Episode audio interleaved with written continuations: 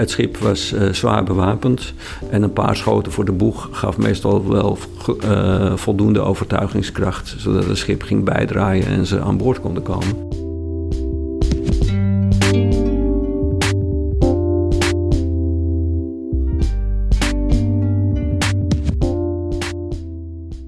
In dit themaprogramma van de Universitaire Bibliotheken Leiden duiken we in de Caribische collecties. In deze aflevering Aart Ruiter over piraterij in het Caribisch gebied.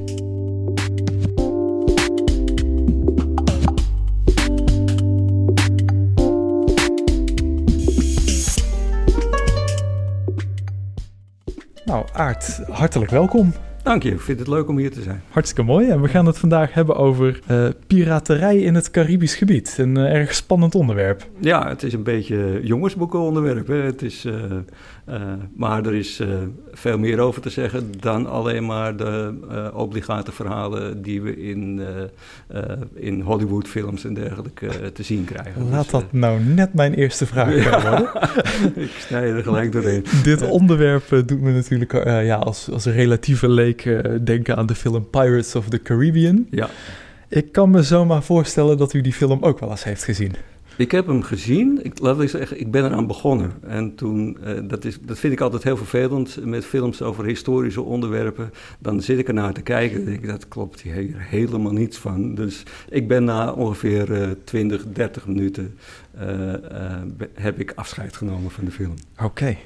Maar dat is toch geweldig, het slingeren aan de scheepstouwen en het bloeddorstige enteren. Ja, dat is heel mooi, maar zo gebeurde dat natuurlijk niet. Het is best interessant hoe uh, piraten, en in dit geval uh, deze piraat uh, waar we het over hebben, Jean Hamelin, zijn schepen benaderde. hij voer niet onder, een, onder de Jolly Roger, dus de bekende zwarte vlag met schedel en twee beenderen eronder. Maar hij nam een, een bevriende vlag. En als hij een Engels schip naderde, dan had hij een Engelse vlag uh, die hij uitstak. een Frans schip. En zo bracht hij zijn slachtoffers in de war. En, dat, en die waren natuurlijk zeer onaangenaam verrast als hij dan aan boord stapte en zei: Je geld of je leven, bij wijze van spreken. En zo, zo gebeurde dat. Dat is dus een andere manier. Hij was niet direct zichtbaar als piraat. Ja. Want wat was, ja, u zegt u heeft hem na een half uurtje uitgezet. Wat, wat was nou de grootste historische blunder die we in deze film kunnen zien? Ja, het is al lang geleden dat ik die film gezien heb. En Misschien heb ik het ook wel een beetje verdrongen, dat kan ook wel. Maar uh, ja, het, het feit dat uh, een ooglapje voor, uh, dat ze altijd met korte lassen rondliepen, dus zo'n zo'n zo'n piratenzwaard, ja, zo, dat werkte eigenlijk vaak niet op die manier. dus en zo'n schip uh, was ook dan helemaal uitgerust als uh, een piratenschip van, uh, van Disney-kwaliteit. En ja, dit waren vaak toevallige schepen. de meeste piraten in de Car Cariben maakten gebruik van kleinere schepen, klein, snel. Dat is van belang, dus het waren helemaal niet van die grote schepen. Maar bijvoorbeeld deze Jean Hanlin, die had een, een Frans fregat had hij veroverd. En dat was, zo staat het ook uh, omschreven in de getuigenissen uh, van, het, van de processen die er tegen die piraten gevoerd zijn.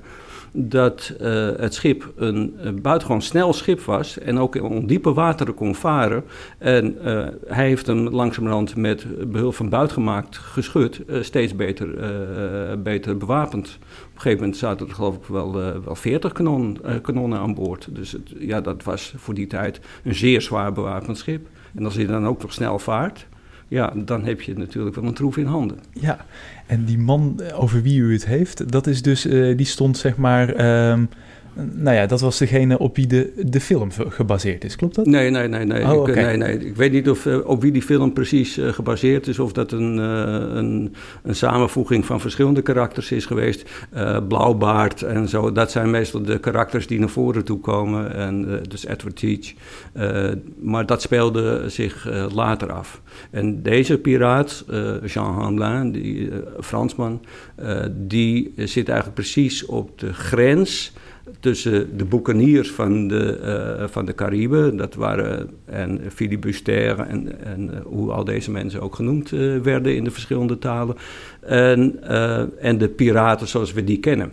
En die eerste groep, dat waren vaak gelegenheidsrovers. Uh, en uh, dat was natuurlijk een hele wetteloze omgeving in de tweede helft van de 17e eeuw. Het centrale gezag was nauwelijks aanwezig en zeker niet door het hele gebied heen.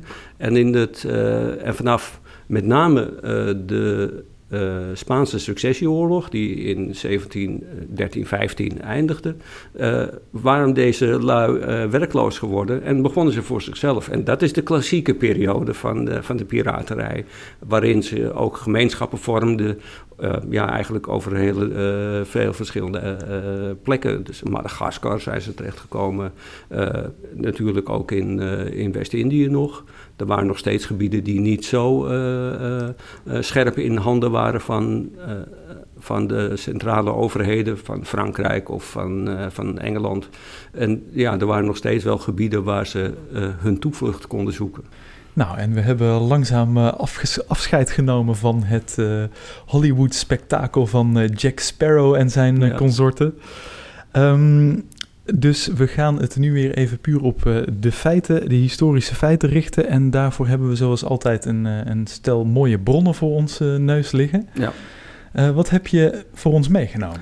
Nou, ehm, ik begin ehm, voor, vanaf voor mij gezien een grote kaart van het Caribisch gebied. En het speelt de kaarten en, de, en het boek wat minder, maar de kaarten zijn allemaal kaarten uit die periode, grofweg.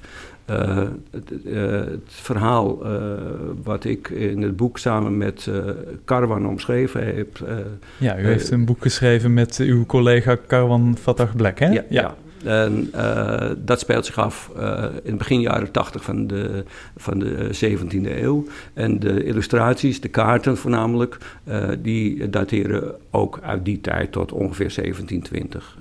dus dat zijn de kaarten uh, waar ik uh, een keuze uit heb gemaakt. En gelukkig heeft de UB een prachtige collectie. Dus, ja, precies. Nou, dus volgens mij de eerste kaart waar u mee wilt beginnen is ook direct de grootste en misschien wel de meest indrukwekkende kaart die we hier hebben liggen. Ja.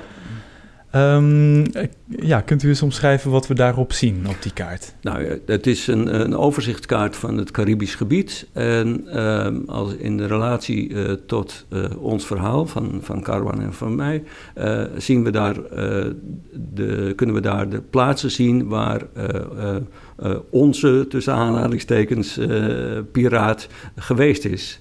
En uh, dat verhaal dat begint ergens uh, in, in Frankrijk en dat, het komt via Cayenne naar Jamaica. En Jamaica is natuurlijk een belangrijk eiland in de Caribische Zee.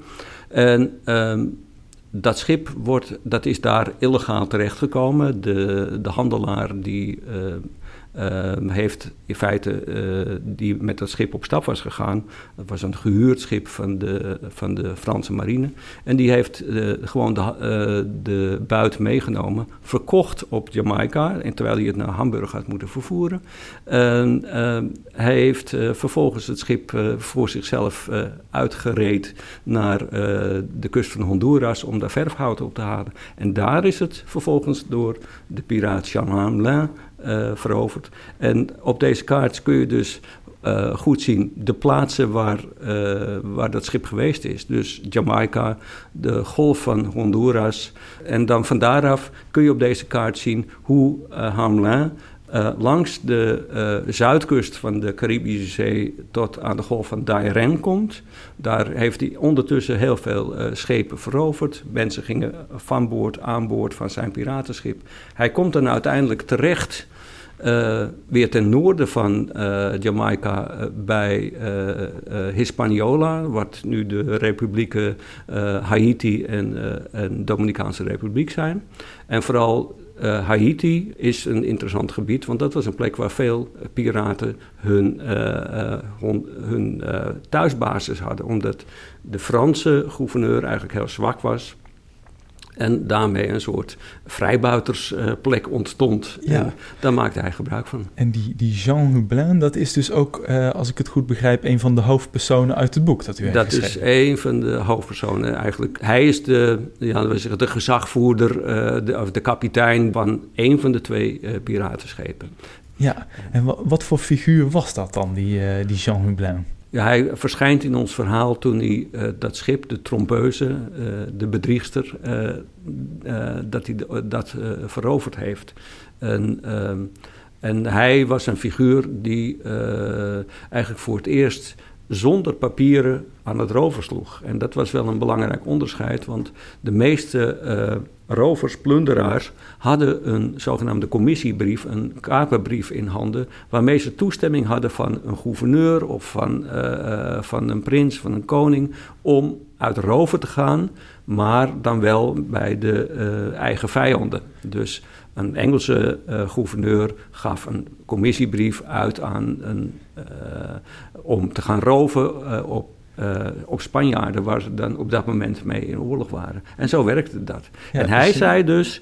Ik heb die commissiebrief niet nodig. Dat kwam, komt ook uit de bronnen tevoorschijn. Uit eh, de bronnen van de processen die tegen de opvaring eh, gevoerd zijn. Hij zegt, de, mijn commissie is de, bestaat uit mijn dolk. En dan sloeg hij er kennelijk door een stapel papier heen. En zei, en eh, de andere getuigde, de commissie bestaat uit de tromp van het geweer.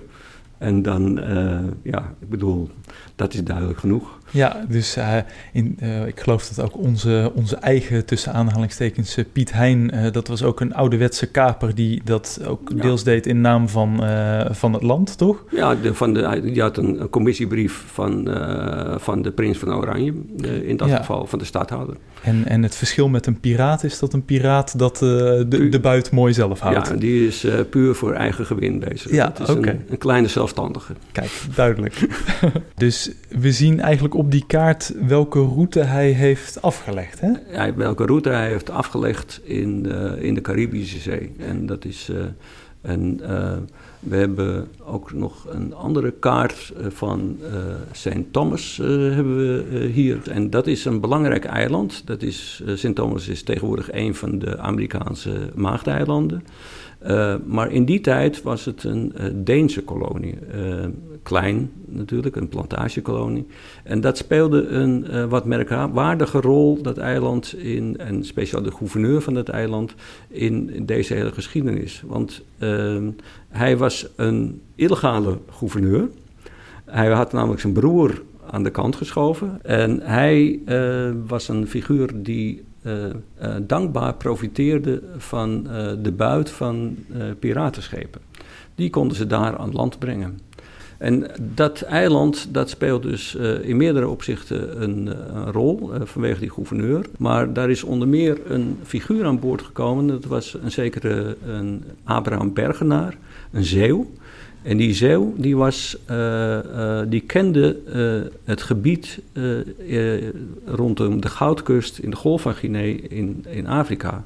Want deze zeeuw, die Abraham Bergenaar, die was aan boord van een vroeger piratenschip geweest onder Van Hoorn. En die is daar op die kust geweest. En die piraten kregen op St. Thomas ruzie waar ze naartoe wilden gaan.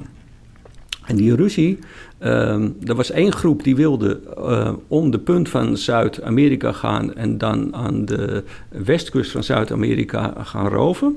En dan dachten ze, dan gaan we weer, varen we weer terug en dan eh, kunnen we daar ontzettend veel eh, buit vinden. Want dat was eigenlijk maagdelijk terrein, want de Spanjaarden hadden weinig schepen in die buurt. En er waren heel weinig Europeanen die aan die westkust zich vertoonden. Uh, dus die, uh, die Abraham Bergenaar kwam aan boord. Die zei van, ja, wat zit u nou ruzie te zoeken? Ik zal u naar een plek toe brengen waar uh, je goud genoeg kunt krijgen. En dat is die kust van, van de, in de golf van Guinea. En daar hebben ze, zijn ze naartoe gegaan. En het is niet voor niets de Goudkust. Er wordt, uh, en, en de Slavenkust en die Voorkust en nou, zoals die, al die kusten een naam hadden. En daar gingen ze naartoe en daar hebben ze hun rooftocht voortgezet. En daar hebben ze heel wat goud te pakken weten te krijgen door ehm, en dat goud zat natuurlijk niet direct op tafel van, van zo'n schip. Dus wat ze deden als ze een schip veroverd hadden, is dat ze tortuur toepasten op de, op de kapitein of de schipper van het schip. marteling. Marteling. Ja. Maar de, werden gewoon gemarteld. En dat alles, zeg maar, om dat, uh, dat goud en die schatten en dergelijke te, te vinden? Ja, want dat zit natuurlijk... Kijk, goud is uh, een kistje. En waar schip is groot. En ja, waar bevindt zich dat? Ja. Dat is natuurlijk het punt.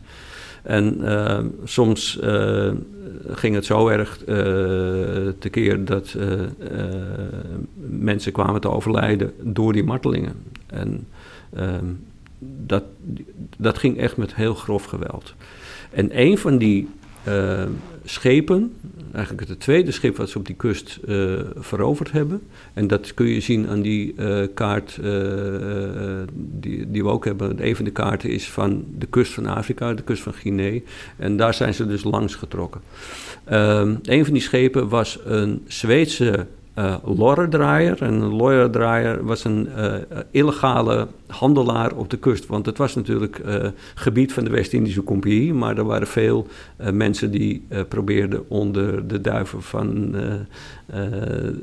van de West-Indische Compagnie te varen. En dit was het schip de Moriaan. En die hebben ze dus omgedoopt tot Resolution. Ja, en nadat hij veroverd was. Nadat hij veroverd was.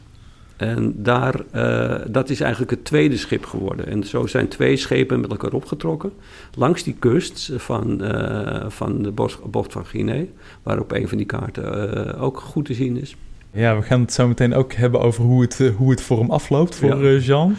Maar allereerst dacht ik, ja, laten we nog heel even um, bekijken hoe gingen ze nou te werk. Hè? Als, we, als we horen dat zo, ja, hoe, zo'n, uh, hoe bijvoorbeeld in de Pirates of the Caribbean dat dat net niet helemaal klopt, hoe gingen ze, hoe gingen ze wel te werk, deze Jean? Nou ja, um, het eerste is natuurlijk, je moet een schip te pakken krijgen. Uh, ze gebruikten uh, de vlaggen uh, die vertrouwen uit opwekten. Dus Engelse vlaggen of Franse vlaggen. Vlaggen van schepen die je er in de buurt kon aantreffen. En daarmee werden ze om de tuin geleid. En het schip was zwaar bewapend. En de meeste handelsschepen hadden natuurlijk wel geschut aan boord. want je, dat was in die tijd gebruikelijk. Maar niet zoveel als, die, als dat piratenschip had. En een paar schoten voor de boeg gaf meestal wel voldoende overtuigingskracht. Zodat het schip ging bijdraaien en ze aan boord konden komen. Ja, dan begon het stelen en roven en het martelen om, de, om de schatten tevoorschijn te toveren. Ja. En wat ook niet onbelangrijk was, is dat ze ook de vaklui uh, van zo'n schip afhalen. Er is een verhaal van een van de schepen dat ze hadden een kuiper nodig, uh, iemand die vaten maakt. En um, de, de schipper van het schip waar die kuiper op werkte, die werd ook vreselijk gemarteld. Maar hij had nog de, het lef om te vragen of ze niet zijn kuiper mee wilden nemen, want hij handelde op die kust op slaven. En uh, daar was die kuiper noodzakelijk voor, voor, om bijvoorbeeld watervaten te maken, zodat er voldoende water meegenomen kon worden voor de overtocht. En als je zo'n vakman mist, ja, dan uh, uh, kun je je handel niet voortzetten. Ja, hoe liep het af met de kapitein en de kuiper? Uh, de kapitein uh, werd nog een keer overtuigd, zullen we maar zeggen. Uh, dus die werd met nog grotere mishandelingen bedreigd. En de kuiper ging gewoon mee aan boord. En dat is het aardige is dat we altijd denken dat zijn allemaal vrijwilligers die aan boord van de piratenschepen zitten. Maar dat is dus helemaal niet zo. Uh, er zijn mensen die dat uit overtuiging doen. Er zijn mensen die door toeval aan boord van die schepen kwamen, omdat ze dachten: nou ja, oké, dan uh, als ik uh, uh, moet kiezen tussen, tussen aan boord van het veroverde schip blijven en met heel weinig eten en drinken, want dat werd natuurlijk altijd meegenomen. Want zo'n kaperschip of zo'n piratenschip heeft ook zijn voedsel en zijn water nodig. Heel belangrijk. En ze kunnen niet zomaar een haven binnenlopen om hun, uh, om hun voedsel en water aan te schaffen. Dus ze moesten het van andere schepen afhalen.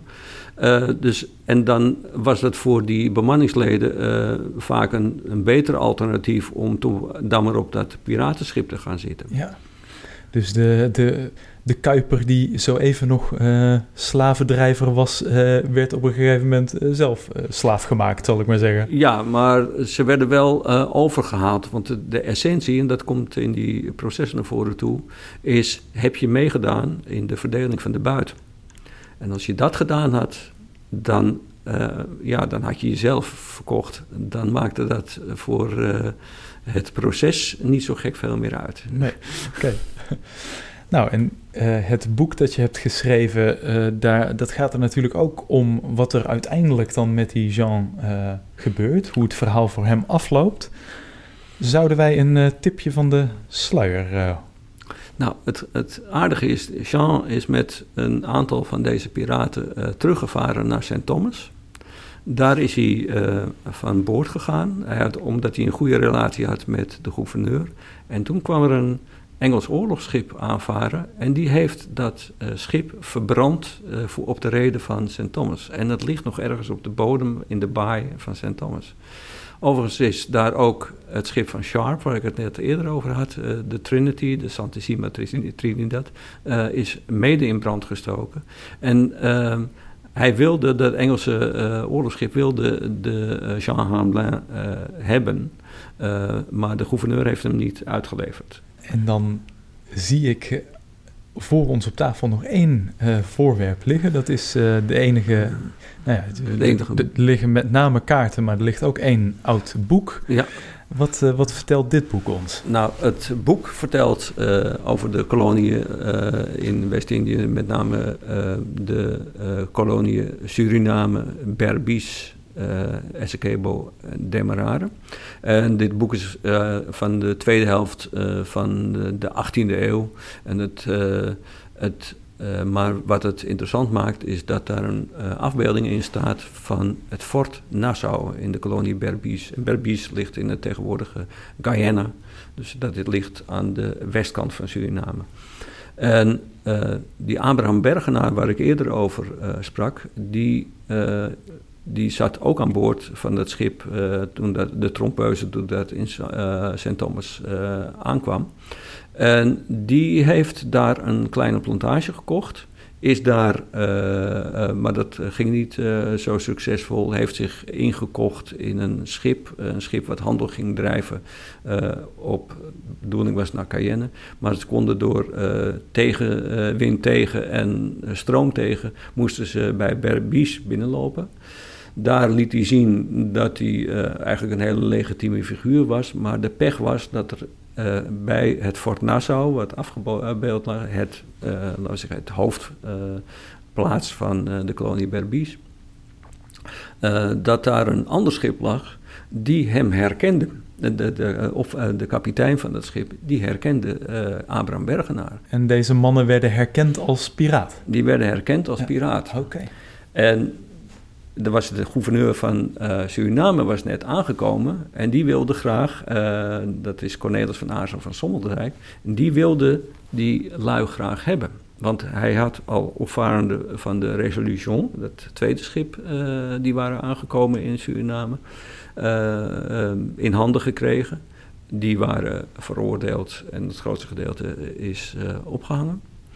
Uh, en hij wilde die vier ook graag hebben, want daarmee kon hij laten zien dat hij uh, echt een krachtdadige gouverneur was en piraterij uh, goed wist te bestrijden. Dus wat er gebeurd is, deze lui zijn in Paramaribo terechtgekomen. En ook daar hebben ze een proces gekregen en drie van de vier zijn eveneens opgehangen. Eentje niet. En dat was wel een grappig verhaal. Dat was namelijk een chirurgijn. Die was aan boord van de trompeuze gekomen. Ergens uh, in de buurt van het huidige Haiti, op, bij Hispaniola. En hij wilde graag die Hamla een Franse chirurgijn hebben. Eh, Frans was kennelijk ook de voertaal aan boord van het schip. En een Franse chirurgijn. En een chirurgijn is natuurlijk heel belangrijk aan boord. Als je, zeker als je gaat vechten, dan moet je iemand hebben die de wonden kan helen. En hij werd, dus, uh, er werd hem dus aangeboden om, uh, om mee te gaan. En hij is vrijwillig meegegaan. Eerst onder bedreiging, maar het is een beetje zoals in de film... They made him an offer he couldn't refuse. En dat is ongeveer hoe het gegaan is. Maar hij is niet vrijgesproken... Maar hij raakte wel al zijn bezittingen kwijt en ook de buiten en dergelijke. Maar hij moest verplicht dienen als chirurgijn in de kolonie Suriname. En het vermoeden bestaat, is dat daar geen chirurgijn aanwezig was. Dus ze hadden zijn vakmanschap nodig. Okay. En dat is, ja, dan ga je niet iemand die je nodig hebt ophangen. Dat is niet zo handig.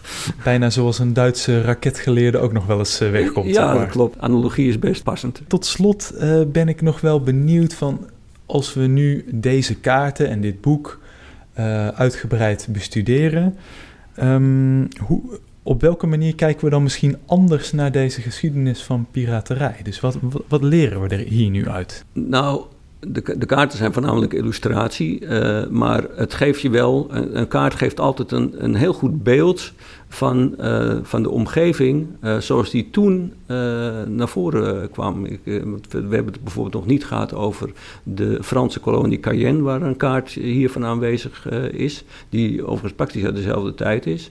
En het tweede schip is namelijk via Cayenne daar gekomen en die durfden niet aan land te gaan omdat ze bang waren ook gearresteerd te worden. En dat geef je dus, kijk de Franse kolonie Cayenne is een, een tegenwoordig een plaats waar de raketten van Europa uh, de ruimte ingaan, uh, bij Kourou. En dat is uh, nog steeds een Frans departement. Maar je kunt echt zien dat daar een groot fort gebouwd is waar de Fransen hun, hun stempel drukten op, op de hele omliggende omgeving. En dat is, zie je met al die kaarten, is je kunt eigenlijk goed zien waar de Europeanen zich al gevestigd hadden. Uh, het is een Nederlandse blik, in dit geval op het Caribisch gebied. Nou, hartstikke bedankt dan.